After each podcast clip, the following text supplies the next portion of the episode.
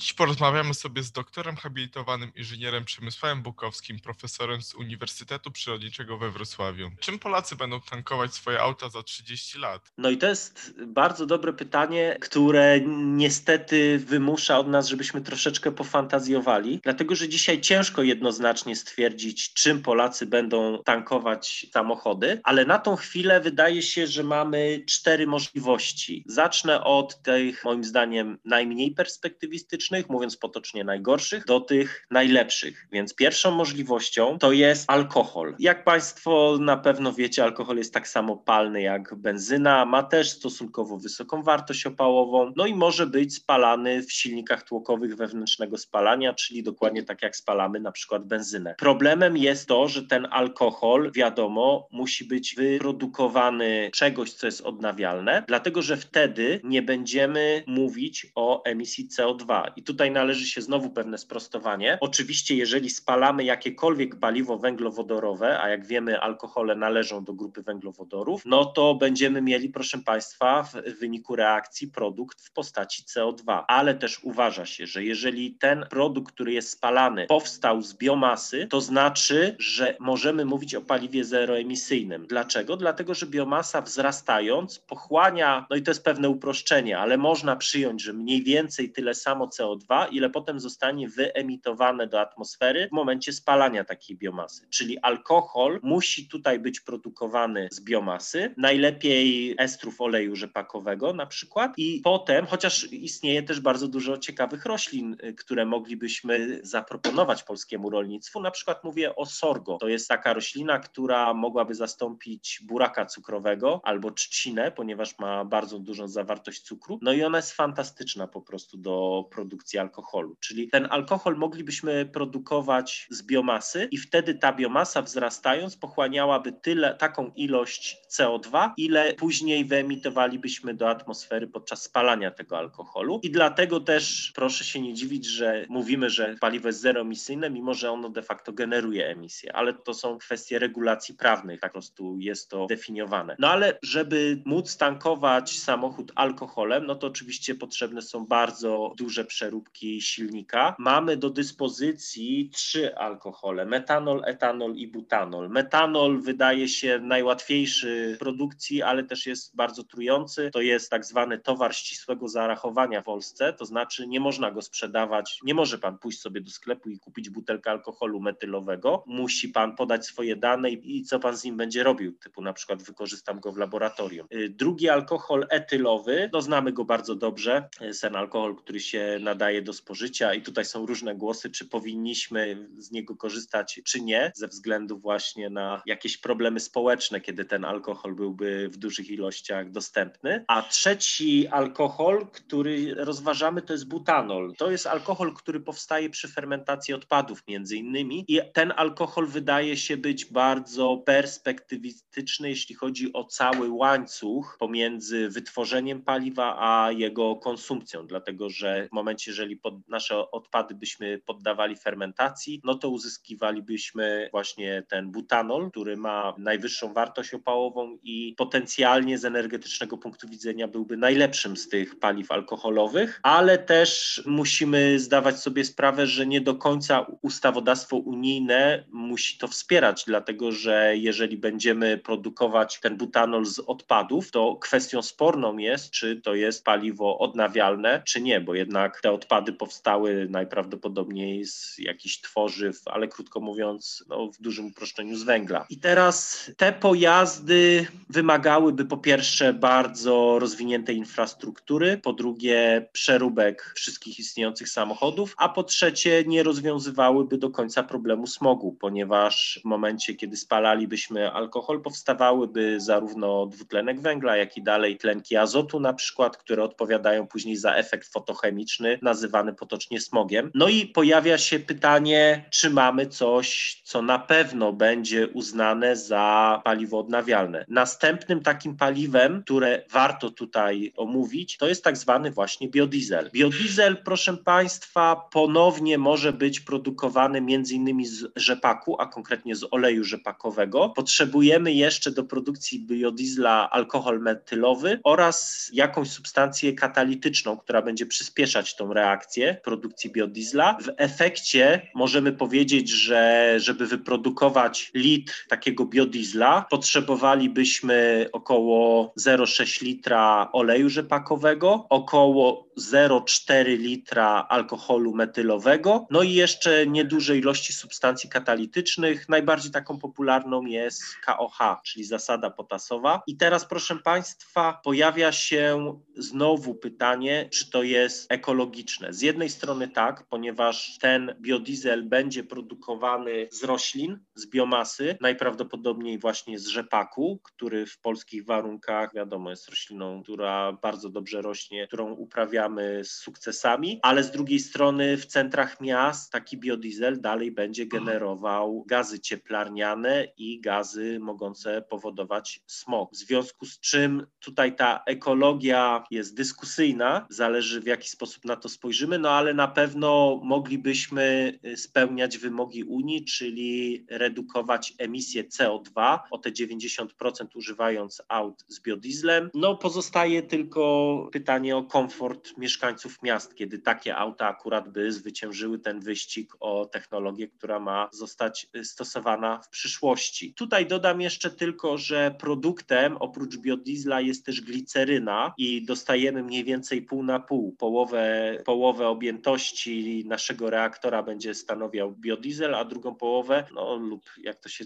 zabawnie mówi, niepoprawnie mniejszą połowę, ale, ale blisko, stanowiłaby gliceryna. Gliceryna jest też substancją, którą można spalać, ale nie jest to łatwe spalanie, dlatego że ona się troszeczkę zachowuje jak mazut, to znaczy jest, jest gęsta. Ale biodiesel jest ciekawą i potencjalnie dobrą technologią, która na pewno będzie dla środowiska i dla nas samych korzystniejsza niż spalanie oleju napędowego y, produkowanego z ropy naftowej. I trzecim rozwiązaniem, czyli jakby trzecim wariantem, będzie sprężone powietrze. Idea sprężonego powietrza wzięła się zapewne z rozwiązań technicznych, które już mamy. Jak Państwo pójdziecie na przykład do warsztatu samochodowego, to zobaczycie, że większość urządzeń w tym warsztacie jest napędzana właśnie przy pomocy sprężonego powietrza. Sprężone powietrze może napędzać silnik tłokowy, ale może napędzać różne rodzaje Generalnie ta technologia jest dosyć dobrze już przez nas opanowana. I teraz powstaje pytanie, teraz powstaje pytanie, czy to jest ekologiczne. Wszystko zależy od tego, jak będziemy to powietrze sprężone generować. Jeżeli będziemy podłączać sprężarkę, która będzie zasilana energią elektryczną produkowaną w polskiej elektrowni, czyli z węgla, no to jest to niezbyt ekologiczne. Chociaż na pewno lepiej jest spalać paliwo w elektrowni, która jest wyposażona w elektrofiltry, układy odsiarczania, teraz już nawet układy odazotowania spalin, niż spalać to w y, mało efektywnym silniku wewnętrznego spalania, produkując duże ilości jeszcze pyłu, a także i dioksyny, furany. Krótko mówiąc, nawet jeżeli to sprężone powietrze będzie wytwarzane przy pomocy energii elektrycznej, to jest to dla nas bardziej ekologiczne z punktu widzenia naszego zdrowia przede wszystkim, niż spalanie paliw kopalnych bezpośrednio w samochodzie, czyli benzyny albo diesla. No gaz LPG też powiedzmy jest czystszy, jest dużo czystszy niż te dwa paliwa y, ciekłe, ale mimo wszystko też trudno powiedzieć, że jest to paliwo zeroemisyjne, bo emitujemy przede wszystkim CO2, no i w drugiej kolejności parę wodną. Jeżeli przyjrzymy się tej technologii sprężonego powietrza, to ona w tej chwili bardzo dobrze się rozwija. Dla przykładu, ostatnio na rynku pojawiły się zapowiedzi, że wkrótce trafi do nas samochód marki Tata. Słyszał pan redaktor o takim samochodzie? Tak. No niesamowite. Większość ludzi jednak słysząc nazwę Tata mm, kojarzy to wyłącznie z ojcem, nie ma pojęcia, że to jest też marka samochodu. Marka Tata zasłynęła, to pan redaktor pewnie wie, tym, że oni postawili sobie za cel wyprodukować najtańszy samochód na świecie. No i ten ich samochód jest produkowany z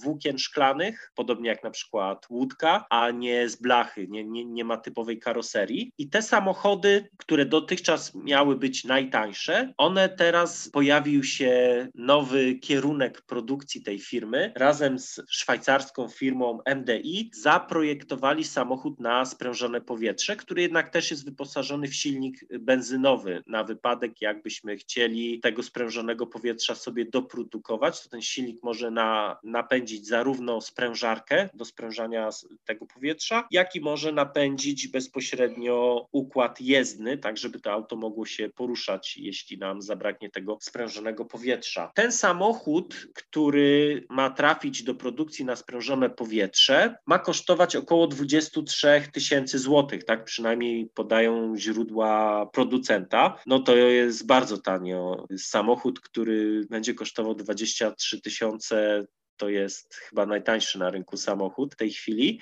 No i co jeszcze producent mówi? Producent mówi, że zasięg tego samochodu to będzie około 300 kilometrów. Y, będzie ten samochód mógł w stanie pomieścić 90 metrów sześciennych powietrza sprężonego do ciśnienia 300 atmosfer, czyli de facto zbiornik będzie miał około 300 litrów, czyli nie będzie znowu taki mały, tak? Dlatego, że jeżeli 90 metrów sześciennych powietrza podzielimy przez 300 atmosfer, to dostaniemy mniej więcej objętość tego zbiornika, czyli około 0,3 metra sześciennego. No więc pierwszą wadą tego samochodu jest to, że jednak trzeba w nim upchnąć ten dosyć spory zbiornik, który też pamiętajmy będzie pod bardzo dużym ciśnieniem. Przypominam, że jeżeli pompujemy oponę na stacji, to ciśnienie to jest 2, maksymalnie 3 atmosfery. To teraz sobie Państwo wyobraźcie, że mamy w samochodzie zbiornik ze sprężonym powietrzem, który po pierwsze jest dosyć duży, bo ma około 300 300 litrów, a po drugie tam panuje ciśnienie 300 atmosfer. Wprawdzie te zbiorniki są bardzo zaawansowane technologicznie, one zostały zaadoptowane jeszcze z czasów lotów kosmicznych wahadłowców, takich jak Promapollo, gdzie te zbiorniki robiono wtedy po raz pierwszy z kompozytów,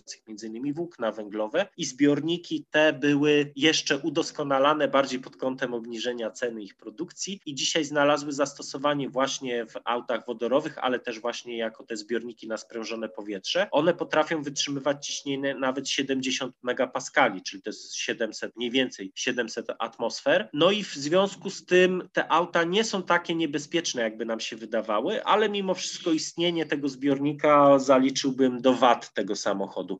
No do zalet wliczyłbym przede wszystkim koszt eksploatacji. Producent podaje, że koszt energii elektrycznej do wytworzenia sprężonego powietrza na te 300 km to jest około 1,5 euro. Jeżeli na tym półtora euro przejedziemy 300 kilometrów, to łatwo możemy sobie policzyć, że koszty eksploatacji tego samochodu będą trzykrotnie niższe niż koszty eksploatacji tradycyjnego auta, na przykład z silnikiem benzynowym. I teraz, jeżeli zatankujemy to auto sprężonym powietrzem, to to auto na tym sprężonym powietrzu będzie jeździć z zawrotną prędkością. No niech pan zgadnie, panie redaktorze, jaką będzie miało prędkość te, to auto na tym sprężonym powietrzu? Zapewne około 300-200 kilometrów kilometrów na godzinę. Nie, nie, nie, to pan y, pofantazjował troszeczkę. 60 kilometrów na godzinę to będzie maksymalna prędkość tego samochodu, ale też producent mówi, że y, będzie można wspomagać się silnikiem spalinowym. No i tutaj już źródła podają różnie, ale to wtedy można spełnić pana fantazję, powiedzmy te 200 kilometrów na godzinę, taka prędkość już jest, już jest wykonalna, już jest możliwa, chociaż większość źródeł podaje, że akurat ten samochód, o którym wam y, opowiadam, czyli panu redaktorowi i słuchaczom, czyli ten samochód Tata, no to on będzie miał prędkość przy wspomaganiu silnikiem spalinowym około 140 km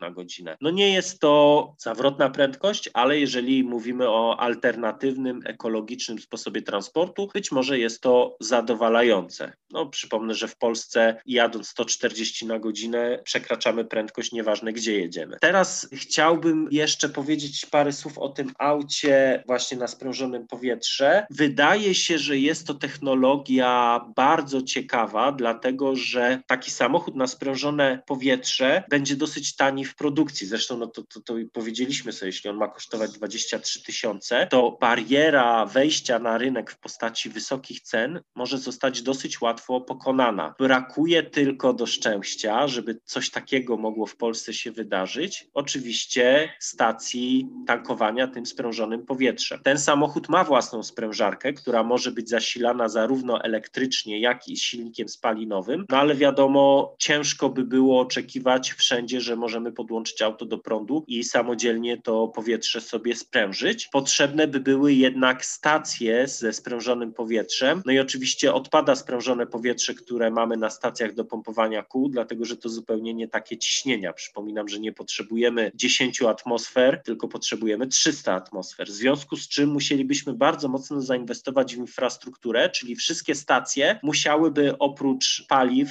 ciekłych i gazowego LPG, czy ewentualnie wchodzącego jeszcze CNG, czyli, czyli skroplonego metanu, te wszystkie stacje musiałyby być wyposażone w instalacje do sprężania powietrza i do magazynowania tego sprężonego powietrza, tak żeby już w miarę szybko móc to powietrze wpompować do samochodu. No wadą całej tej technologii jest jeszcze to, że efektywność energetyczna nie jest najwyższa, dlatego że sprężając powietrze do tak ciśnień generujemy też duże ilości ciepła ciepła, czyli następuje duża strata energii przy tej konwersji między na przykład energią elektryczną trafiającą na sprężarkę, a sprężonym powietrzem, który później ma trafić do naszego samochodu na sprężone powietrze. Ale z tych technologii, które wcześniej już omówiłem, czyli auto tankowane alkoholem, biodieslem lub sprężonym powietrzem, osobiście uważam, że jest to najciekawsza technologia i najbardziej ekologiczna, dlatego że sprężone powietrze w centrach miast nie wygeneruje smogu, nie wygeneruje generuje chorób płuc i żadnych innych chorób cywilizacyjnych. W związku z czym bardziej mi się podoba ta technologia niż te dwie omówione poprzednio. No ale najbardziej mi się podoba czwarta technologia i pan redaktor pewnie zgadnie, jaka, jaka to będzie technologia samochód, na co?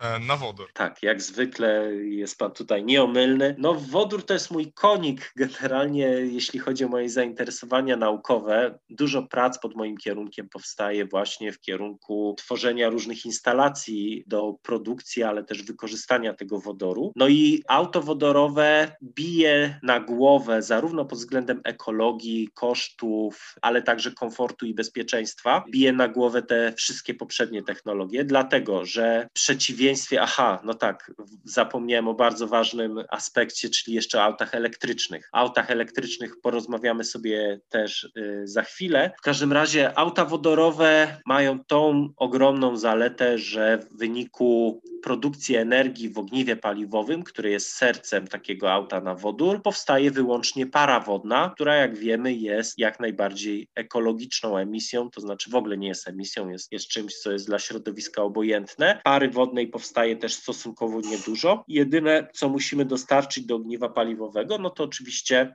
wodór. Potrzebny jest jeszcze tlen, ale tlen jest pobierany bezpośrednio z powietrza. I teraz auta wodorowe mają tą zaletę, że są są najfajniejsze technologicznie. To znaczy, auto na wodór będzie spełniał marzenie pana redaktora i będzie bez problemu jechało 300 km na godzinę. Auto na wodór będzie miało zasięg nawet i 1000 km, dlatego że na kilogramie wodoru możemy przejechać 200 km, a żeby to przejechać na przykład autem elektrycznym, no to potrzebowalibyśmy już baterie, które ważą. Często nie zdajemy sobie sprawy, że w aucie elektrycznym masa samych baterii potrafi przekraczać nawet 400 kg. I to jest moim zdaniem największa wada samochodów elektrycznych. Auto na wodór ma obniżony środek ciężkości, dlatego że cały układ napędowy może zostać zlokalizowany w podwoziu. No i auto na wodór ma przede wszystkim wszystkie zalety auta elektrycznego, a nie ma żadnej jego wady. To znaczy nie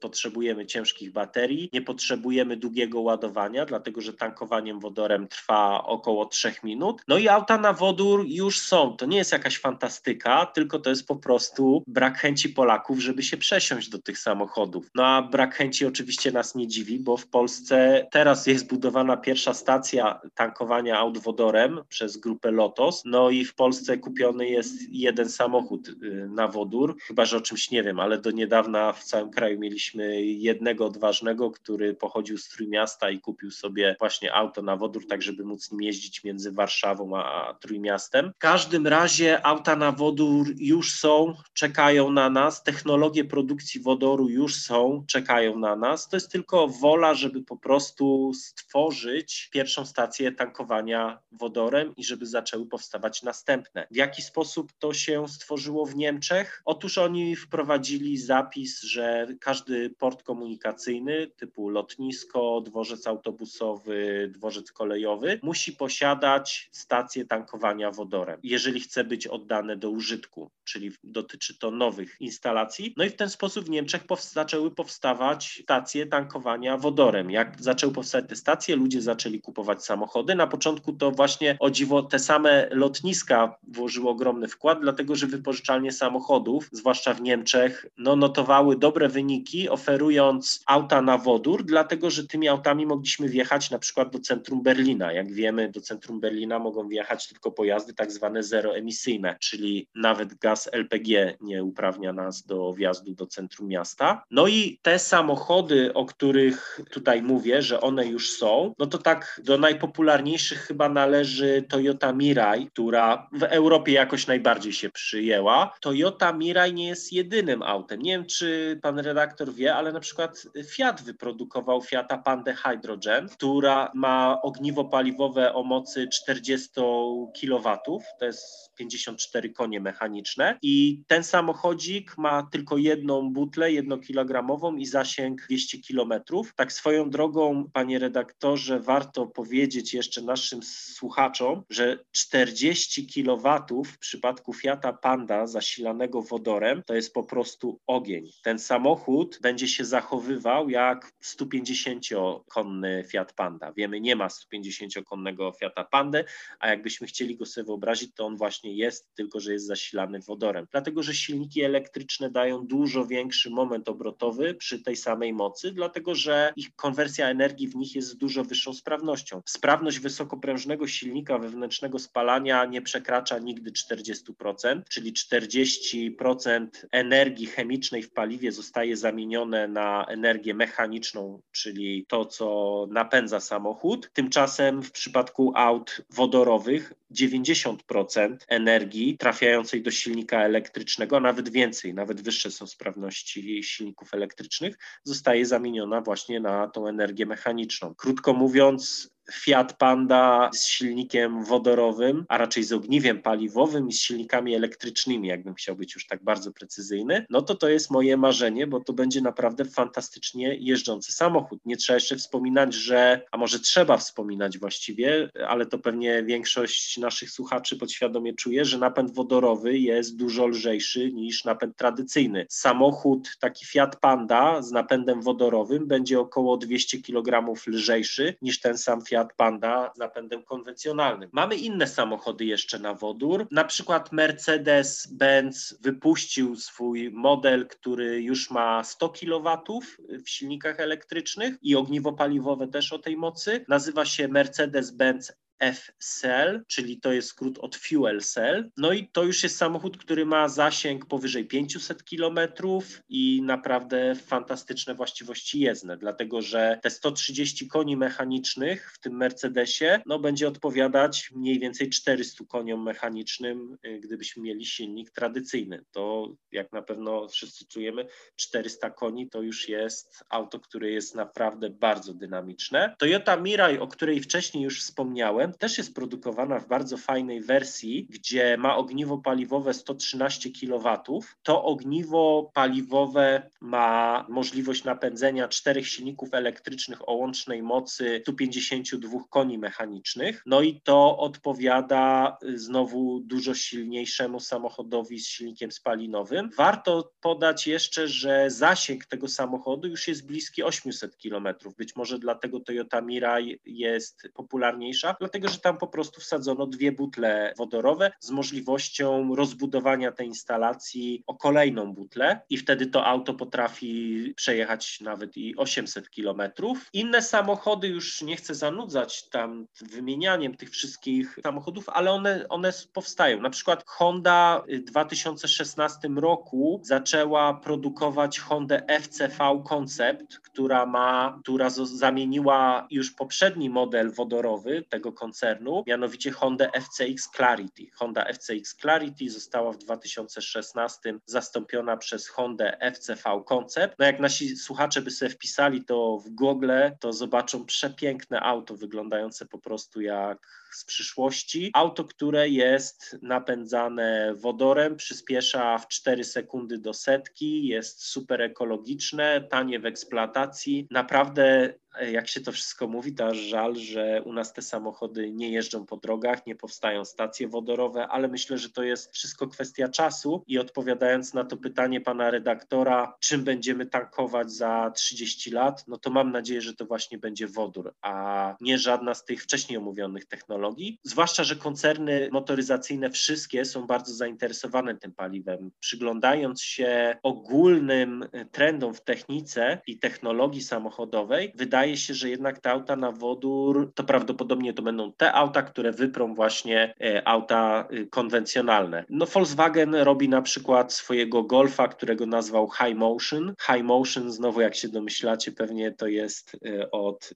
skrót od literki hydrogen. H to jest oznaczenie wodoru w układzie okresowym, stąd te wszystkie nazwy często mają to H. Podobnie jak w przypadku Toyota Mirai, ten Golf High Motion będzie miał silnik, to znaczy już ma, tylko jak, jak trafi do seryjnej produkcji, no to my będziemy go mogli kupić z silnikami elektrycznymi o łącznej mocy 100 kW, czyli znowu mamy te 136 km, 136 koni mechanicznych. Bardzo fajnie rozwiązane jest tutaj magazynowanie tego wodoru, bo ten, a, ten samochód będzie miał aż cztery zbiorniki na wodór, wykonane z lekkiego włókna węglowego, no i to ma sprawiać, że ten samochód będzie miał już zasięg powyżej 1000 km. Czas napełniania tego zbiornika jest zbliżony jak przy tankowaniu, jak przy tankowaniu aut LPG, czyli około 3 minut. Podsumowując, mamy do czynienia z rozwojem różnych technologii i opowiadając na to Pana pytanie, Panie redaktorze, czym będziemy jeździć za 30 lat, uczciwie należałoby powiedzieć, nie wiemy, ale liczymy, że będzie to któraś z technologii, które obecnie się rozwijają. Uważam, że najfajniejsze z nich to jest przede wszystkim wodór, w drugiej kolejności sprężone powietrze. Nie jestem fanem aut elektrycznych, z wielu powodów, między innymi z tego, że do produkcji tych baterii zużywamy tak zwane metale ziem rzadkich, czyli metale, które też nam się kończą i które powinniśmy oszczędzać do celów takich, gdzie nie możemy się bez nich obejść, jak na przykład zaawansowana elektronika czy sprzęty medyczne. Generalnie auta elektryczne mają tą wadę, że długo się je ładuje, chociaż to też powiedzmy ta technologia jest ciągle rozwijana i dopracowywana, dlatego że powstają już ładowarki indukcyjne, które ten proces ładowania skracają, ale jednak to nie trwa dalej 3 minuty, tylko powiedzmy już nie kilka godzin, a kilkadziesiąt minut, ale to też byłoby uciążliwe robić sobie w trasie co 300 kilometrów taką przerwę. No wadą aut elektrycznych jest właśnie stosunkowo mały zasięg, no i te ciężkie baterie, które wozimy y, zamontowane w podwoziu. Mamy właściwie takie oto technologie do wyboru, ale też ciężko zawyrokować, że na pewno nic innego się nie rozwinie, dlatego że dzisiaj żyjemy w takich czasach, że nowe technologie pojawiają się znikąd i w ciągu kilku lat potrafią zostać skomercjalizowane, ale na tą chwilę odpowiadając na pytanie redaktora, czym będziemy jeździć za 30 lat, to możemy sobie sami obstawiać, która z tych technologii się y, przebije, a jest ich de facto pięć, czyli w pierwszej kolejności najpopularniejsze może dzisiaj auta elektryczne, w drugiej kolejności alkohol, o którym opowiadałem, czyli metanol, etanol lub butanol, następnie biodiesel, który jest o tyle fajny, że rolnik sam może go sobie produkować i sam sobie napędzać na przykład ciągniki, więc w tym momencie gospodarstwo rolne może stać się zeroemisyjne, co brzmi niewiarygodnie, ale, ale to jest możliwe. Kolejną technologią jest to sprężone powietrze i tutaj mówiłem o tym samochodzie Tata i MDI, tych dwóch firm. No i oczywiście najwięcej pewnie jak zwykle opowiadałem o wodorze. I mam nadzieję, że tą technologią przyszłości będzie jednak ten wodór. Dziękujemy za rozmowę. Był z nami doktor habilitowany inżynier Przemysław Bukowski, profesor na Uniwersytecie Przyrodniczym we Wrocławiu. Dziękuję bardzo. Dziękuję.